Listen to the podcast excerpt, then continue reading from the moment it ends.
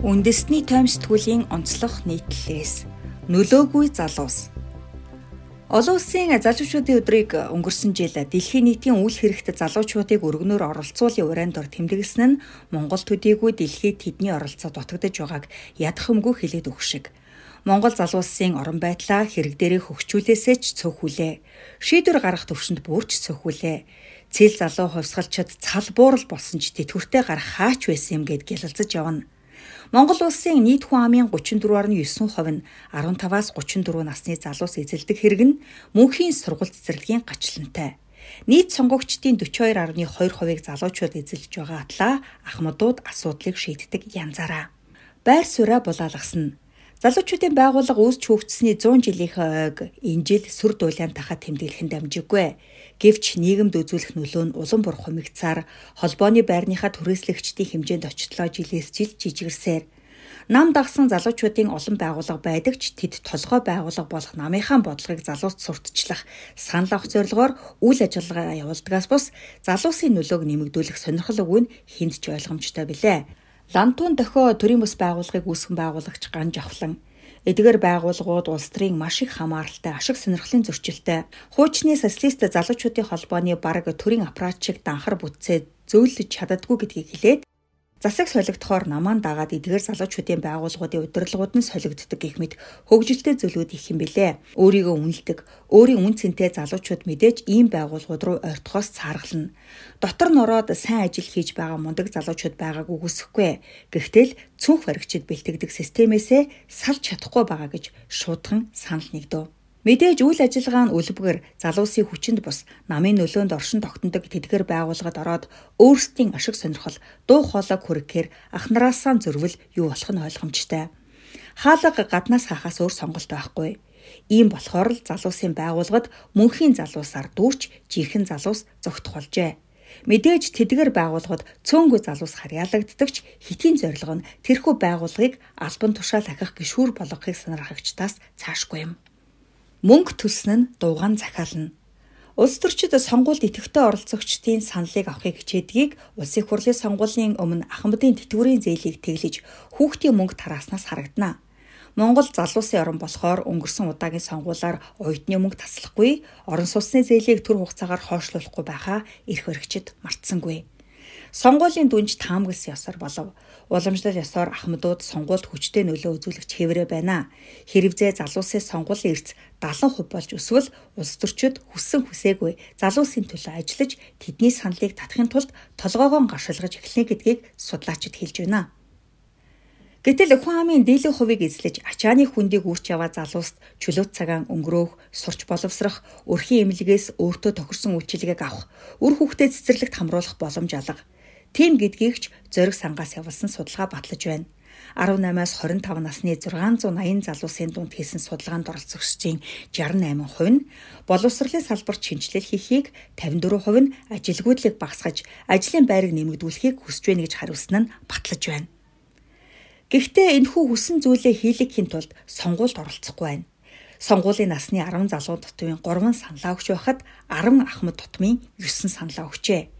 Улс төрийг октоос тоодгүй. Хамгийн бохир заваа мэтэр төсөөлдөг залуусын сонгуульд оролцдоггүй олон олон шалтгааны нэг нь өөрийг нь төлөөлж чадах үс нэр дэвшигч алгаа гэх шалтгаан бол олонхийнх нь оролцдоггүй үйлдэл нь миний ганц санал ямар нөлөөтэй биш. Хайрлаж дурлаж амьдралд алдаж онсон ч өөрийнхөөрөө байх нь залуу хүний гин биш зам болохоор яалтай. Тиймээс л Ахмад сонгогчдын сонголтоор сонгуулийн үр дүн шийдэгдэж байна. Ганцхан жишээ авахад Улсын хурлын 2016 оны сонгуулийн санал хураалтанд оролцохоор 1 сая 932 мянган хүн улсын бүртгэлийн нэрийн жагсаалтанд бүртгэгджээ. Үүнээс 73.7% нь буюу 1 сая 424 мянган хүн санал хураалтанд оролцсон бөгөөд насны бүлгээр нь судлахад сонгогчид нас ахих тусам сонгуулийн витих нэмэгджээ. 2016 оны сонгуульд ойролцоогоор 192 мянган залуу 18-аас 21 насны бүлэгт дэвшиж сонгуул өгөх хэрэгтэй болсон нь 18-аас 25 насны бүлгийн 46.4%-ийг эзлэж байв. Гэтэл 18-аас 25 насны залуусын сонгуулийн итвэх хамгийн муу хоёр хүн тутмын нэг нь буюу 50% байгаа нь шинээр сонгуул өгөх хэрэгтэй болсон залуусын хувийн жингээс өндөр үзүүлэлт болжээ. Харин 60-аас дээш насныхны хувьд 100 хүн тутмын 97 нь санал хураалтанд оролцсон юм.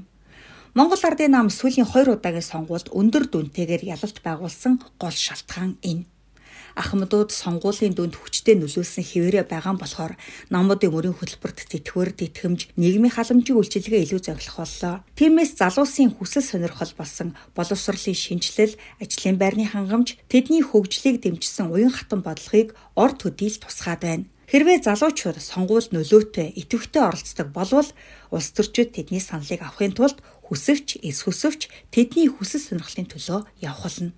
Тиймээс миний сонгосон төр засаг гэх юм уу миний санал нөлөө үзүүлэхгүй гэсээр байх ах үед ахмадууд өмнөөс нь сонголтоо хийсээр байх үлээ.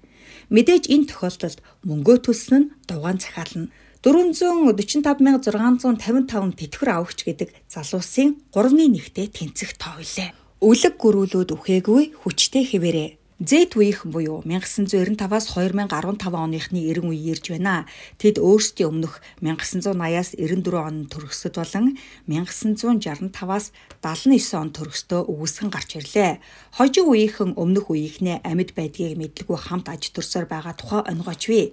Гэтэл байхаар барах уу өөрсдийг нь тэжээж улс орныг удирдах явна. Тэдний 90 үе хизээ дууссан ч Y үеийнхэн сүудэрт нь явсаар нар үзэлгүй Z үеийнхэнд сууж үзээгүй байдлаас судлан алдаж өгнө. X үеийнхэн эхнээсээ тэтгэврт гарах нас нь болж байгаа ч нийгмийн идэвхтэй асуудыг алгандан атгасан тэд ахмадуудын адилаар залуус өнөөгийн гişгэ үлгэр байсаар ах үед хүчтэй хിവэрэл байх болно. Харин ч залуусын үр ёстой ачааг үрч хоёр идэхгүй хоосон хонололгүй тэд хорвоог туулж явна. Харин ч тэднийг ад үзвэл алдас болно сар бүрийн нэгэнд тавих тэтгэр төрийн албан хаагчдын цалин буух үйлсэл Монголд эдийн засгийн эргэлтэнд ордог. Хүйсний дэлгүүрүүдийн, хүүхдийн, эмийн гээд бүхий л эргэх ёстой эдийн засгийн үзүүлэлтүүд эргэлтэх нь тэр. Тиймээс тэд хүчтэй нөлөөтэй байна. Уулыг эргүүлж усыг ширгээдэг залуу насанд тэдний сүүдэрт сэрүүцэж суух гонигтай биш гэж юу? Хүсвэл залуусын гарт бүх зүйл байна. Хэрвээ тэд өөрсдийн үзен ядаад байгааг өөрчлөё гэж зориглох юм бол бүх хүзэр нь өөрсдийнх нь гарт бий. Сонголтоороо шог байдлыг үгүй болгож хөсөөл өөрсдөө ч өөрчлөх боломж байна. Дэндөө олуулах хэрн даанч нөлөөгүй байгааг өөрсдийнх нь үлбэр байдалтай холбохоос өөр том шалтгаан алга. Өнөөдөр хэцүү байж болно. Өөрчлөх эрхчлөө сонголт нь залуустал бий.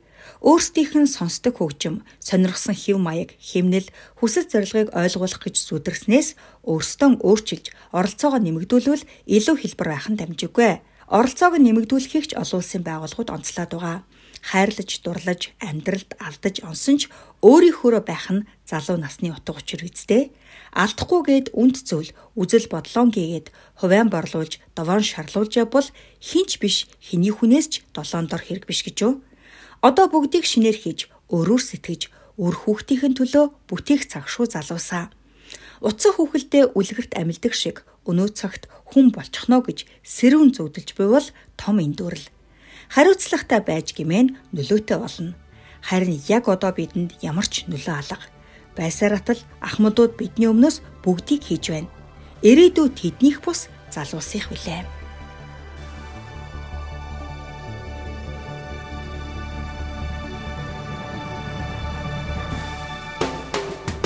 Итгэж болох экссурулж.